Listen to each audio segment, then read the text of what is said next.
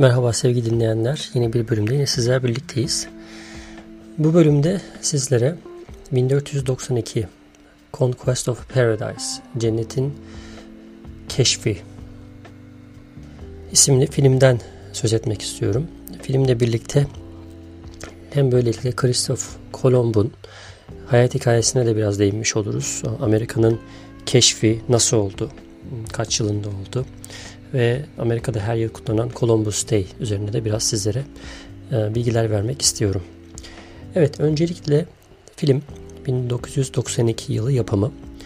Film e, Amerika'ya ilk ayak basılan tarih olan 1492'nin 500. yıl dönümüne denk geliyor yapım yılı olarak. Yönetmeni Ridley Scott.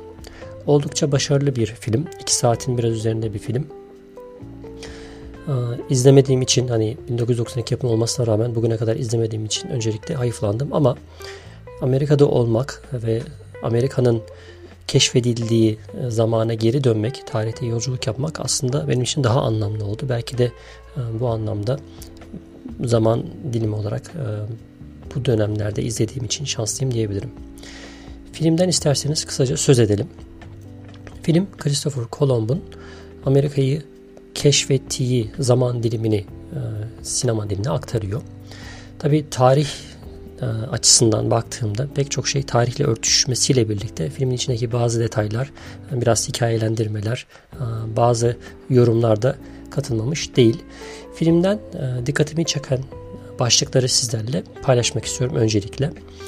O yıllar Granada'nın malum Emevi devletinin çöküşüne denk geliyor. Granada düşmek üzere ve o dönemde İspanya e, koloni anlamında işte denizcilik anlamında e, yeni yerler fethetme, işte yeni yerler bulma, koloniler bulma noktasında bir takım girişimlerde bulunuyor.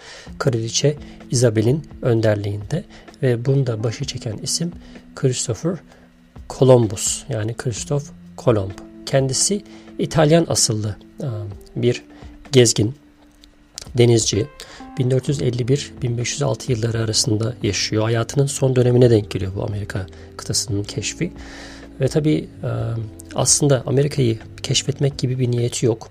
Dünyanın artık e, yuvarlak olduğu, aynı e, paralelde seyahat edildiği takdirde işte dünyanın o paralelde karşılık gelen başka bir kıtasına ulaşmanın mümkün olacağı fikriyle 22. paraleli takip ederek batıya sürekli batıya giderse doğuya ulaşacağını, e, Asya ülkelerine varacağını daha kısa kestirme bir yoldan tahmin ederek böyle bir yolculuğa çıkmak istiyor. İşte bunu öncelikle üniversiteye e, açıyor. University of Salamanca diye o dönem e, üniversitenin bir kurulu var. Hani bu tip şeyleri keşifleri veya işte bilimsel çalışmaları onaylayan bir ekip öncelikle karşı çıkıyorlar. Fakat bir şekilde e, Christoph Kolomb e, insanları ikna ediyor. E, kaybedecek neyimiz var diyor hatta filmin bir yerinde ülkenin ileri yerinden bir tanesi. Daha sonra yolculuğa çıkıyorlar. Tabii yolculuk gitgide uzuyor, yorucu oluyor. İnsanlar bir noktada artık ümitlerini kesmeye başlıyorlar, bir yere varamayacaklarını düşünüyorlar.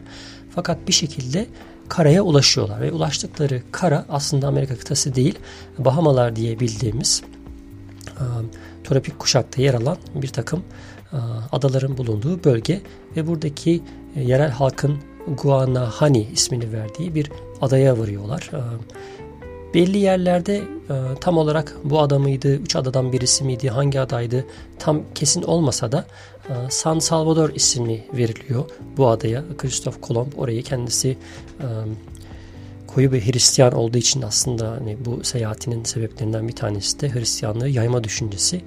Oraya e, Hristiyanlıkta önemli bir yeri olan San Salvador ismini veriyor. Tabi yerli halkla karşılaşıyorlar. Yerli halka öncelikle Christoph Kolomb e, oldukça iyi davranıyor. Her ne kadar e, niyetleri bir şekilde kolonileşme, e, o insanları bir şekilde e, çalıştırma olsa da aslında Christoph Kolomb halka zarar vermemesi, verilmemesi noktasında e, kendi askerlerini altındaki emrindeki adamlarını uyarıyor. Fakat bu bir süre sonra tabii ki mümkün olmuyor. Gerek dil farklılığından gerekse gelen Avrupalı aristokratların bir şekilde bu insanlara karşı üstünlük kurma çabaları, kölelik arzuları tabii ki durumu zorlaştırıyor. Ve bir süre sonra tabii savaşlar çıkıyor, kavgalar çıkıyor, pek çok insan ölüyor. Christoph Kolomb ülkesine geri dönüyor. Orada görevinden alınıyor. Çünkü o orada bir, bir süre vali olarak da görev yapıyor. O 1492-99 yılları arasında Kraliçe Isabel'in görevlendirilmesiyle o bölgede ilk e, keşfettiği bölgelerde vali olarak görev yapıyor. Fakat kendi altındaki adamların e, kendi görüşleriyle uyuşmayan düşüncelerinden dolayı e, bir şekilde hükümete ulaşarak e, Christoph Kolomb'u görevden aldırma hatta bir ara zindana atılıyor. Bunlar filmde anlatılan detaylar dediğim gibi hani tarih e, perspektifinden e, muhtemelen örtüşüyordur. Bazı yerlerine dediğim gibi kontrol ettim. Bazı yerlerini tamamen kontrol etmedim. Film genellikle böyle ve e, Christoph Kolomb kolonileşmenin temellerini orada atıyor. Daha sonra filmin ilerleyen bölümlerinde malum Americo Vespucci isminde bir şahıs Amerika'yı keşfettiği için onun ismi veriliyor ve Christoph Kolomb adalara ulaşıyor. Oraları hala Asya'nın bir parçası zannediyor. Hiçbir zaman oranın başka bir kıta olduğunu e, idrak edemiyor.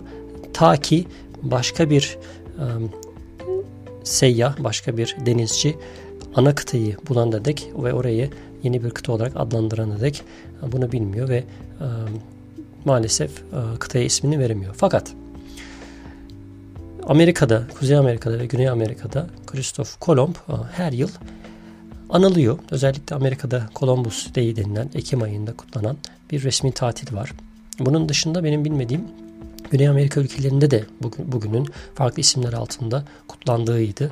Hatta İtalya'da ve İspanya'da da e, büyük bir coşkuyla kutlandığı çünkü bir neticede İspanyolların bir keşfi ama e, keşfeden kişi aynı zamanda İtalyan asıllı birisi. Bu yüzden İtalyanların da bu konuda özellikle Amerika'da Birleşik Devletleri'nde yaşayan İtalyanların bunun çok ciddi anlamda bir övünç e, kaynağı olarak e, gururla bahsettiklerini e, söz ediyor baktığım kaynaklar.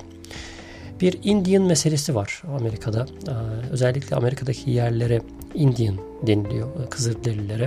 Bunun yine kökeni Christoph Kolomb'tan geliyor. Christoph Kolomb dediğim gibi Asya'ya seyahat ettiğini zannettiği için yani orada yaşayan insanların Hintliler olduğunu varsayarak yerlilere e, Indios, Indians e, ismini veriyor. Ve yerlileri e, ilk gördüklerinde işte kollarında işte boyunlarında taktıkları e, takılardan altınları görünce e, bir altın kaynağı olarak görüyorlar o yerleşim yerini ve e, insanları bir şekilde köle olarak altın bulmak için çalıştırıyorlar. Bu anlamda e, Columbus Day'in hani kutlanmasıyla beraber e, kutlanmaması da şu anda söz konusu. Özellikle Amerika'nın belli eyaletlerinde e, Columbus Day'in kutlanmadığını öğrendim. Bu eyaletlerden birinde yaşamadığım için böyle bir bilgim yoktu. Fakat bunun sebebi hem Christoph Kolomb'un Katolikliği yayma niyetiyle gelmiş olması hem de insanları bir şekilde köleleştirmeye başladığı için bir nevi köleliğin ilk temellerinin atıldığı e, dönemler olduğu için e, Amerika'nın keşfi e, kimi insanlar bu günü kutlamaktan imtina ediyorlar. Hatta aleyhinde kampanyalar bile var. Evet, genel olarak film 1492 1492 Conquest of Paradise, Cennetin Keşfi filmi ve Christoph Kolomb'un hikayesi bu şekilde. Filmle alakalı belki de en son bahsetmem gereken e, en önemli detaylardan birisi de film müzikleri. Şimdi arka planda hafiften çalmaya başlıyorum. Belki de hepinizin bir şekilde anımsadığı bu melodi filmin müzikleri Vangelis e, Yunan anasılı bir müzisyen tarafından gerçekleştirilen bir müzik.